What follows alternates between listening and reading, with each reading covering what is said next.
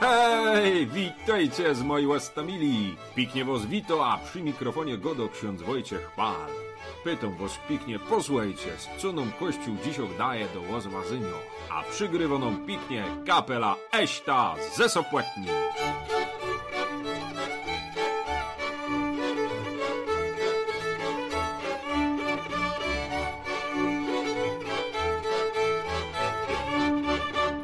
A dziś moi ostomili w tą 16 niedzielę zwykłą poczytamy sobie Ewangelię od świętego Mateusza z 13 rozdziału i no tą krótszą wersję.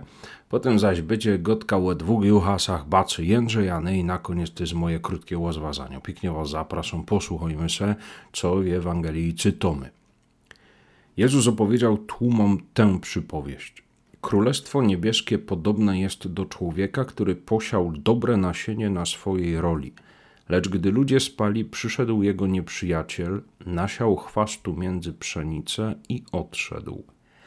A gdy zboże wyrosło i wypuściło kłosy, wtedy pojawił się i chwast. Słudzy gospodarza przyszli i zapytali go: Panie, czy nie posiałeś dobrego nasienia na swej roli? Skąd więc wziął się na niej chwast? Odpowiedział im: Nieprzyjazny człowiek to sprawił. Rzekli mu słudzy: Chcesz więc, żebyśmy poszli i zebrali go?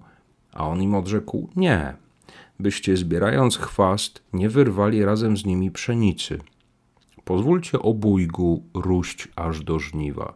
A w czasie żniwa powiem żeńcom: Zbierzcie najpierw chwast i powiążcie go w snopki na spalenie. Pszenicę zaś zwieście do mego spichlerza.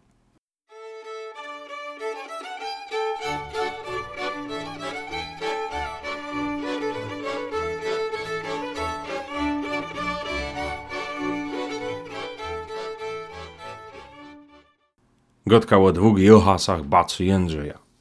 Wiecie, miał baca Jędrzej dwóch juhasów. Pierwszy robił od razu, bez zastanowienia, drugi zaś nad wszystkim deliberował dumą godzinami.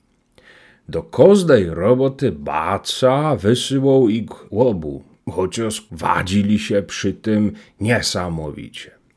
No i zapytał roz przyjaciel baca Jędrzeja, czemu ty ich dwóch zawsze posyłasz? Przeca oni się ino wadzą. Szybciej być do kozdyn zrobił są jeden.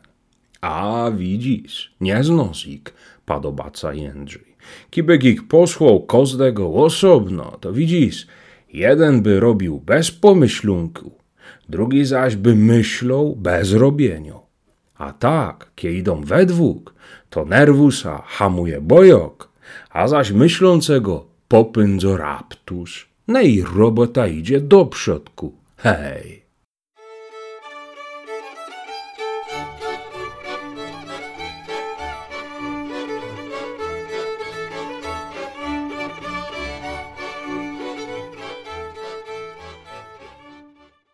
tej przypowieści uderzają mnie dwie skrajności porywczość i, choć nie wprost opisana, ale logicznie wynikająca bojaźliwość.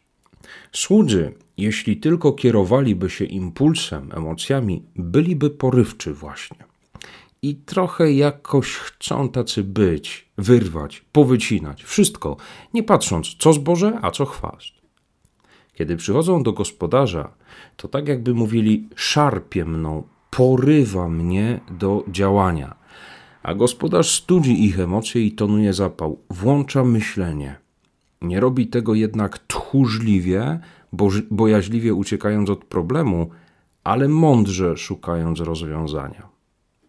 I tego Wam życzę, aby przeżyć ten tydzień bez porywczości i bez tchórzliwości.